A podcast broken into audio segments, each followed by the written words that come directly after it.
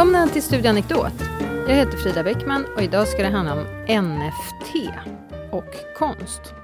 NFT, eller Non-Fungible Tokens som det heter, har vuxit fram som ett helt nytt sätt att intyga äkthet i den digitala världen. Intresset har exploderat under det senaste året. Men vad har NFT med konst att göra egentligen? Varför är vi så besatta av det som är äkta och vad som är en kopia? Vad kan vi lära oss av konsthistorien? Med mig i studion idag för att reda ut detta är konsthistorikern Håkan Nilsson. Varmt välkommen hit. Tackar, tackar. Kan du börja med att säga några ord om dig själv? Ja, jag heter Håkan Nilsson och jag är professor i konstvetenskap vid Södertörns högskola. Och jag är också konstkritiker på Svenska Dagbladet sedan mm. 25 år tillbaka. Strålande, tack. Så vi börjar på en gång då, först med att reda ut vad, vad är NFT? Vad betyder det och hur fungerar det? Ja, som jag har förstått det så fungerar det på ungefär samma sätt som eh, kryptovaluta och bitcoin. Eh, som ju får sitt värde eh, garanterat av an, att det ingår i en större kedja som gör att den inte går att liksom förfalska. Men eh, det här är ju då inte som bitcoin i den meningen att eh, om jag ger dig min bitcoin så är den borta för mig och då går det inte att se att jag har haft den. Mm. En non-fungible token är ju unik. Så att den bygger på samma idé om att det ska kunna autentiseras mot en, någon form av kryptokod. Men den är eh, specifikt kopplad till ett föremål. Mm, så det är tätt förknippat just med det digitala? Ja, alltså just själva kedjan är ju det. Sen så kan man ju säga att en sån kedja kan ju förknippas med något annat ägande än saker som är inom den digitala världen. Men det är ju det som har gjort att det har blivit liksom omdiskuterat är ju just att man har skapat unika värden till produkter som bara finns i den digitala världen. Men om NFT då är i grunden någon slags verifikationskedja eller system, men vad för typ av grejer kan det vara? Ja, men det som har orsakat mest uppmärksamhet på sista tid är väl de här som har gått för mycket pengar. Och då var det ett verk som såldes på Christie's av någon som kallas för Beeple och verket heter Everydays, The 5000 Days, något sånt där. Och som är ett stort collage av bild, små, små bilder. Eh, och det eh, gick ju för 69 miljoner dollar. Så finns det en annan sekvens bilder som hette Board Ape Yacht Club. Som ja, föreställer ett antal apor som ser mer eller mindre uttråkade ut.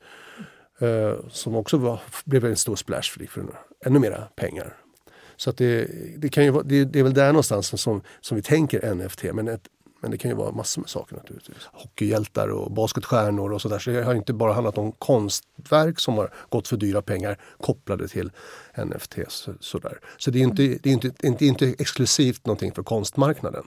I grunden kan man säga att det handlar om att göra någonting som egentligen är helt reproducerbart till någonting unikt. Ja, så kan man ju säga. Men man kan också säga att det är ett sätt att skapa värde eh, i, på, ett, på ett sätt som annars inte har varit möjligt i just den digitala världen. Ska jag bara ta en parallell att, att eh, fotografi är också reproducerbart. Men fotografier blir ju av konstnärer eller kända fotografer säljs ju ofta tillsammans med ett certifikat eller någonting som gör att den här bilden garanteras vara den äkta bilden. För de fotografier är ju också lätta att reproducera och sätta upp. Mm. Så att, mm för, ja, så Men det, så man kan säga att det är ett NFT som ett slags certifikat då? Ja, så förstår jag det i alla fall. Ja. Alltså, jag tog med den här, det är en liten skärva som du ser. Oh. Eller hur? Vad, Vad är det för någonting? Är en eh, ler, lerskärva? Ja, eller? det är en skärva från, det är från en urna. Mm.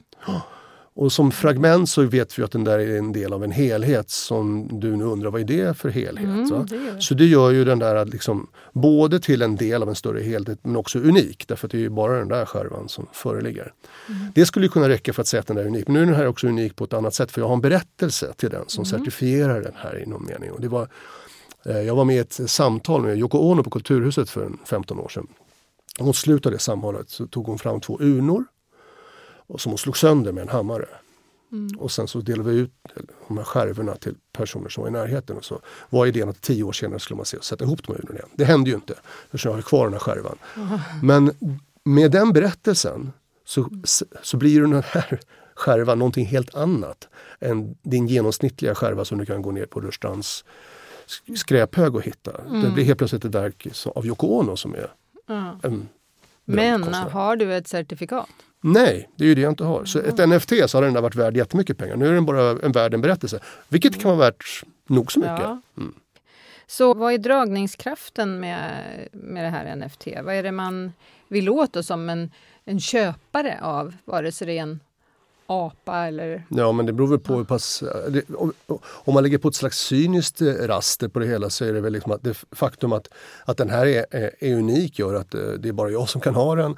Mm. Och då blir det fler som vill ha den av just den enkla anledningen. Blir liksom, och då kan jag sälja det vidare. Så det är en slags spekulativ idé kring vad, vad, hur värde uppstår. Mm. Men man kan ju också säga att det, alltså man ska tänka på det mer som att, ja men precis, att konstnärer på, så här, på det här sättet skulle kunna säkerställa att de verk som jag har gjort och ställt ut, eller hur man nu uttrycker i en, en digital mm. värld, faktiskt också är de som sen går vidare. Att inte, att inte någon bara reproduceras i oändlighet och sprids på olika webbsidor. Mm. Å andra sidan kan ju också det vara hela tanken med digital konst, att den faktiskt är oändligt reproducerbar. Så den, den bryter ju också mot en viss logik som kanske många konstnärer som jobbar med digital konst egentligen tycker är ganska dåligt. Ja, det där är intressant. Det är som två helt olika impulser. Å ena sidan möjligheten att just sprida, å andra sidan att man då behöver eller vill kontrollera den här mm. spridningen mm. på något sätt. Mm. Vad, vad, kan det finnas andra, för andra typer av intressen varför man vill kontrollera sitt, sin bild då, eller sitt konstverk på det här sättet? Ja, men så, jag tror att det, det främsta skulle vara att, att, jag, att det faktiskt verkligen är de här bilderna som jag har sålt till dig som sen hamnar i nästa led, att säljs vidare. Att, att proveniensen som vi pratar om i konstvetenskap, att man, kan, att man kan säkerställa att just den här bilden är den bilden som visades vid det där tillfället och som sen gick vidare i olika ägare. Och inte någon annan bild mm. som kanske ser likadan eller faktiskt är samma fast utan sin NFT. Då. Mm. Provien. Proveniens. Proveniens, kan ja. du förklara det? Ja, men det är som att alltså, om vi ska säkerställa vad en målning i en samling, så här, hur vet jag att det här är en äkta Rembrandt? Det är ju svårt att gå och fråga honom. Så, mm. Som han varit död så länge.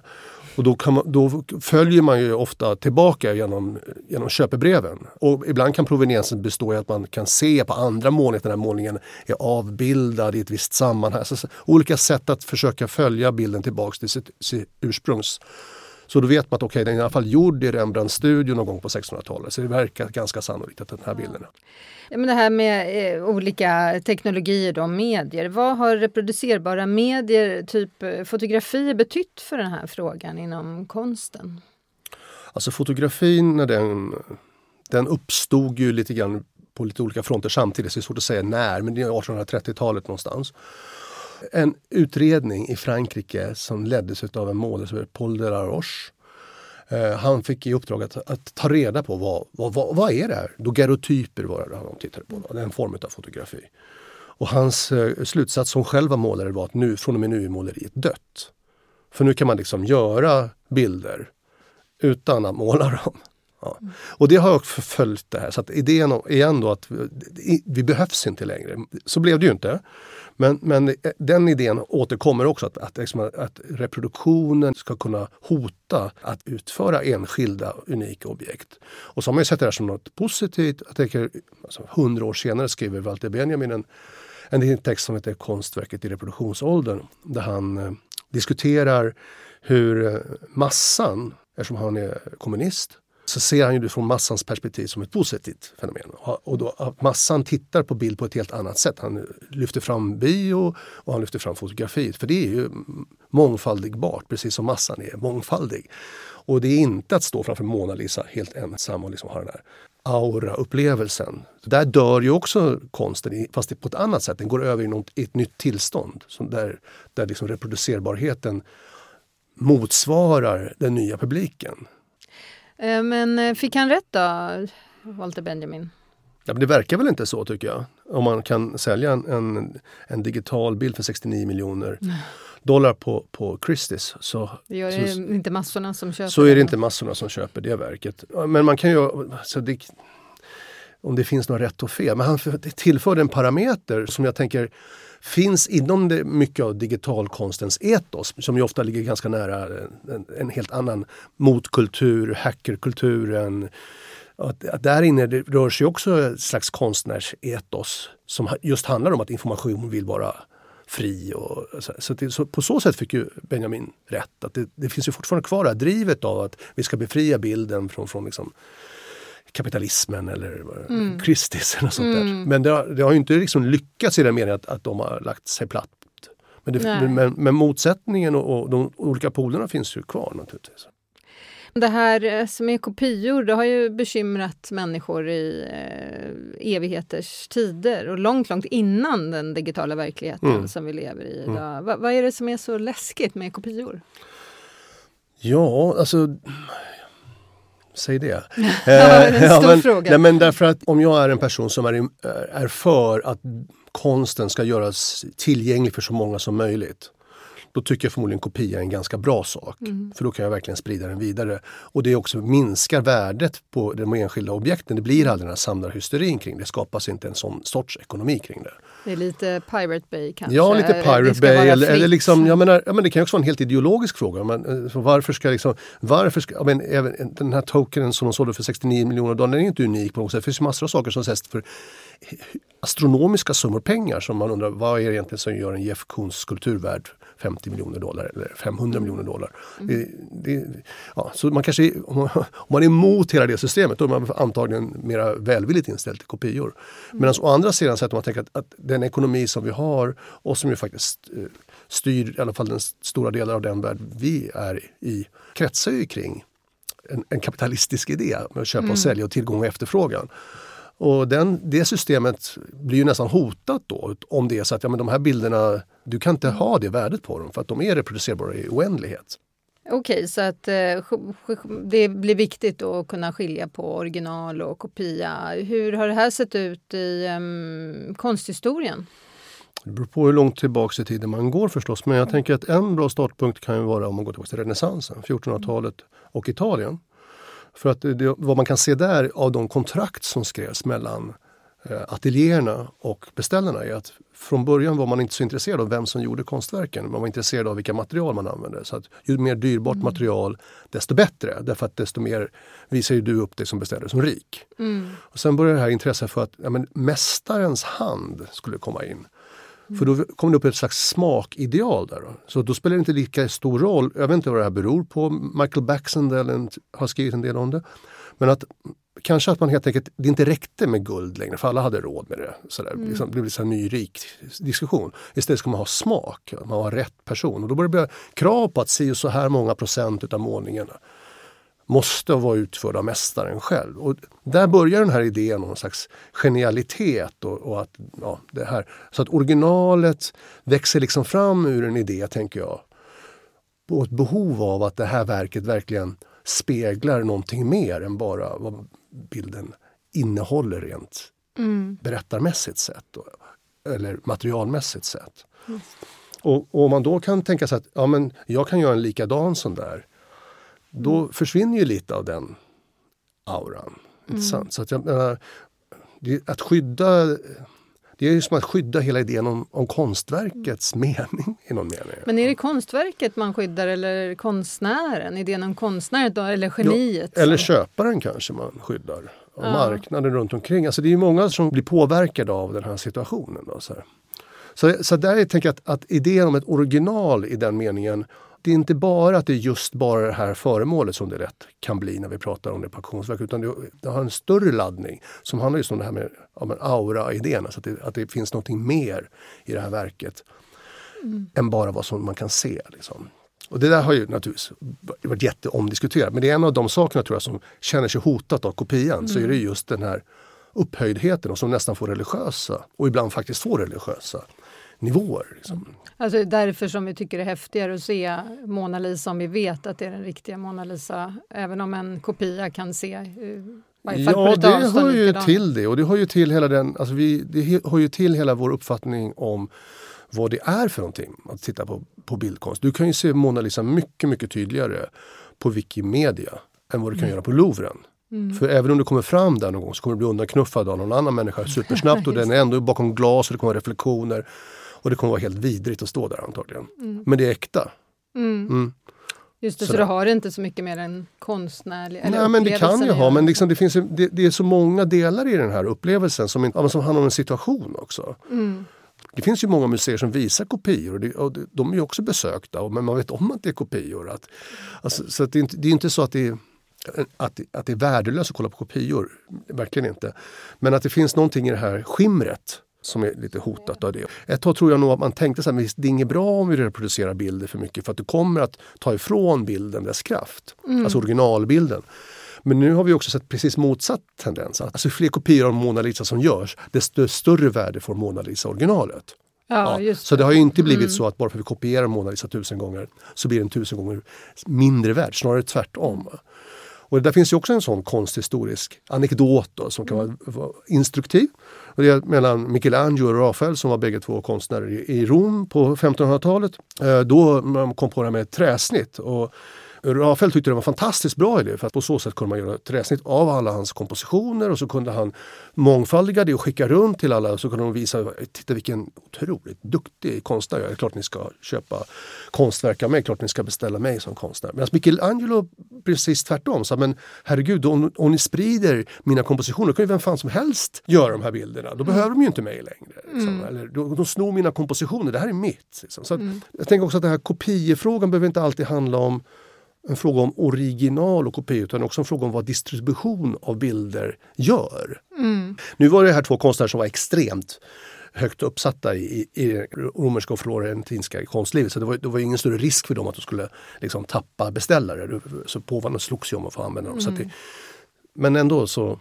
Och det är väl många konstnärer som än idag. Att man att se den här okay, strategin att jag, jag visar upp mina bilder på Instagram för att på så sätt få många att se dem. De vill gå på en utställning och så kanske de köper konstverk där. Mm. Eller redan på Instagram köper många konstverk. Så det är inte så. Medan andra är mer försiktiga och tänker att det vattnar ur mina bilder. Det är inte alls samma sak att se någon jävla fyrkantig bild på Instagram som ser mitt fantastiska hantverk i verkligheten. Jag vägrar att delta i det. Mm. Så det, det är liksom så men det, inte, det handlar inte bara om ett slags ekonomiskt värde, det handlar också om någon form av men hur man tänker på vad, vad det är att distribuera bild. Och, och bli. Mm. Går det att säga vem som bestämmer värdet på en NFT? Ja, det är klart, alltså, om, det, om rätt sorts personer, för det har väl det det har handlat lite om i den kritik som har varit mot NFT. Att, att det är ett visst antal personer som ganska eh, pengastarka inom medier, Twitter-ägaren och lite andra människor som har gått ut och köpt det här och drivit fram drivit upp pengar. Många pratar ju om det som, som en bubbla på det sättet. Att, mm. Ungefär som om man budar över varandra på en lägenhet. Vem säger när priset är, är rätt? Liksom. Ja. Sådär. Så att, och är man lite paranoid så kan man tro att allt det där är liksom bara uppdrivet för att Ja, men värdet av det här är ju förstås vad nästa person är beredd att betala för det. Och det är marknadslogiken? Ja, enligt den logiken så är ja. det ju så. Och när ingen vill ha det längre så är det inte värt någonting. Är det helt väsensskilt från det här mer traditionella sättet att värdera konst eller finns det likheter? Ja, men man försöker ju göra det till samma sak tycker jag. Mm. På så sätt så, så, är det som att man försöker göra nya medier till gammalmedier på, i någon mening. Att, mm. att, man, att man försöker transformera en zon för att eh, den logik som styr utanför som vi är vana vid och som har liksom vuxit fram över århundraden den vill liksom också kunna härbärgera de här föremålen. Mm. Och igen då, det beror lite grann på, är man liksom cynisk och tycker det är dåligt och då kan man ju se det där som, som ett slags eh, pyramidspel eller vad som helst. Liksom. Mm. Men, men å andra sidan sett igen om, om man säger så här, men det här kanske också skapar en, en möjlighet för konstnärer att göra verk i en digital miljö och, och, kunna leva på samma villkor som konstnärer som målar eller gör fotografier. Ja just det, det behöver inte vara något cyniskt eh, Nej, det behöver det väl inte vara. Men det är klart att när så fort pengar är involverade så, så blir, är det lätt mm. att bli cynisk. Ja. Men det, jag kanske har en väldigt romantisk idé om hur konstvärdering går till men jag ser för mig att någon står med liksom ett litet, eh, en liten lupp framför ett konstverk och inspektera precis hur penseldragen ja. har förts och sådär. Det går väl kanske inte riktigt att göra Nej. med en, Alltså ja, det är, men det är så mycket annat som styr också. Jag menar, det fanns en, en en konstnär som heter Judith Leister som levde i Holland också på 1600-talet. Och hon blandas ibland ihop med Frans Hals och, och, och vid vissa tillfällen har, alltså, längre tillbaks i tiden, så, så, när man upptäckte att det var Judith Leister och inte Frans Hals, då åkte ju tavlan ner i källaren igen för att det var liksom inte en, en manlig mästare utan en kvinnlig Ja, så, så, att det, det, är inte, då handlar det inte om penselföring eller någonting annat utan då handlar det om, om genuspolitik. Liksom. Mm. Så, så, att det är inte, alltså vad som värderas har ju verkligen inte bara med skickligheten i utförandet att göra. Nej, precis. Där låter det ju verkligen som det har att göra med snarare med vad som räknas då. Vad som, räknas och inte räknas, absolut. Mm. Och så är det ju mycket. Mm. Går det att säga vilka som eh, använder sig av det här NFT? Vi har ju varit lite inne på de här eh, marknadslogiken och, mm. och eh, Instagram och sådär. Men ser vi en ny typ av köpare? Ja, ja, jag tror inte att liksom de gamla konstsamlarna har sprungit på den här bollen ännu. Mm. Det tror jag nog får vi nog se lite flera exempel på. Konstverk också som de gamla köparna kanske också mer förstår vad det är för, alltså var man kommer mm. ifrån. Det.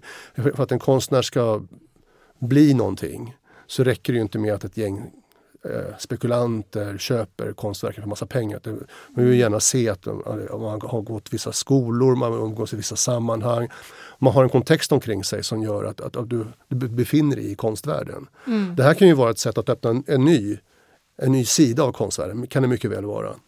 Men det kanske också blir en parallell värld lika gärna. Och att det, så att det därför blir alternativa konstnärer och alternativa köpare. Mm. Och som sagt som det ser ut nu så handlar det ganska mycket om liksom, den formen av medieindustri som finns i, i, inom digitala teknologier i USA just då. Och personer som rör sig i de världarna som mm. intresserar sig för det här. Kan man se det som en, en eh, generationsfråga också på något sätt? Jag, alltså I någon mening tänker jag att det är det. Jag, tänker, jag vet inte om NFT är, är liksom om det kanske är en fluga. Mm. Men jag tänker att hela den här frågan kommer att komma tillbaka igen, om det är en fluga. Och jag, jag tänker att för en, en, generation konstnärer som är uppvuxna med mobiltelefoner och internet och sånt där så, så kanske den här saken eh, mycket enklare går att bara härbärgera. Ja, men hur kommer det sig då att det här fenomenet dyker upp just nu? Är det mest en teknisk fråga då? Man, man tänker vad som har, att någon har kommit på den här smarta lösningen eller är, kan det, är det någonting i vår mentala liksom, tillvaro som gjort att vi är redo för det här med digital konst och autenticitering på något sätt? Ja, svårt. Att allting är digitaliserat mm. tror jag är en slags förutsättning för att det här ska kunna att, man, att jag ska kunna ha en fantasi om vad det här är för någonting beror ju på att jag själv i, använder de digitala medier hela tiden. Mm. Fast jag inte förstår dem riktigt. Mm. Så det är klart att i den meningen så, så hör det ihop med det. Men sen är det klart att det här hör ihop med massa andra mer specifika saker som jag tänker också med kryptovalutan och att, det liksom kom, att idén om att bygga de här påminner väldigt mycket om kryptovalutans utformning och jag tror också att det finns starka kopplingar på den personnivån, vilka, vilka som har kommit på de här sakerna. Liksom. Mm. Så, så att det här är, ja, kan jag se som en förlängning utav, av, det, hela den tankestrukturen. Då. Mm. Just hur ser framtiden ut för NFT just inom konstvärlden tror du? Tror du att det är, är det en fluga bara? Eller? Nej men jag, jag kanske just NFT kan vara det, det vet jag inte. Men som sagt jag tror att, hela, att idén om, om, en, om ett digitalt certifikat som kan skapa unicitet till digitala produkter i första hand. Då. Den, varför inte? Men det gäller ju då också att det finns några produkter där ute som, som, alltså, som är av den arten att om det bara saknades NFT alltså, så skulle mm. det funka. Men nu, det jag sett av det som, som liksom har sålts, jag kan inte riktigt se att det, att det är kopplat till några värden som finns alltså, i, i, konstvärlden. Inte för att de skulle vara mm. finare eller bättre men därför att det inte ser ut så just nu. Mm. Och, så jag, jag, därför tänker jag att det fortfarande är lite mer av en parallell existens. Liksom. Mm. Men att nu har vi sett det här och nu kommer, sen kanske det kommer helt andra personer som, som förstår att vara både konstnärer och att använda sig av mm. det här. Och då kommer det förmodligen ha en stor betydelse. Mm. Eh, hur kommer eh, då lite mer traditionella konstnärer att eh, göra nu då? Tror du att de kommer haka på det här fenomenet på något sätt? Och det är en jättestor fråga naturligtvis. Mm. Men jag tänker att det finns lite olika svar på den. Det finns ett projekt som förre Moderna Museet-chefen Daniel Birnbaum håller i, som jag inte kommer ihåg vad det heter. Men han arbetar med ett virtual reality, augmented reality projekt där han bjuder in väldigt välkända konstnärer. Marina Abramovic har varit där, jag tror Olafur Eliasson, så stora namn. Mm.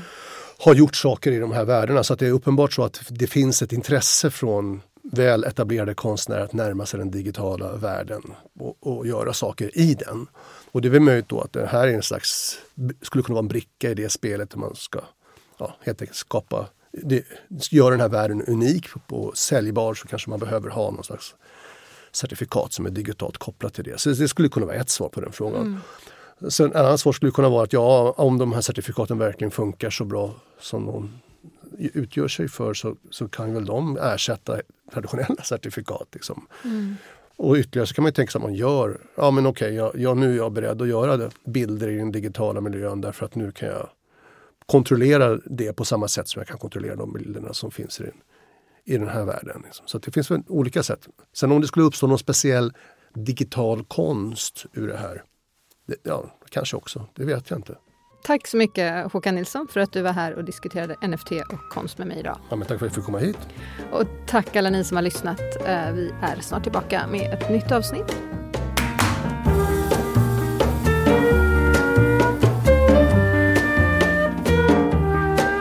Du har lyssnat på Studio Anekdot. Samtalet leddes av Frida Bäckman, inspelningsproducent Anna Allgren, ljudteknik Henrik Nordgren och redaktör Anna Frykholm.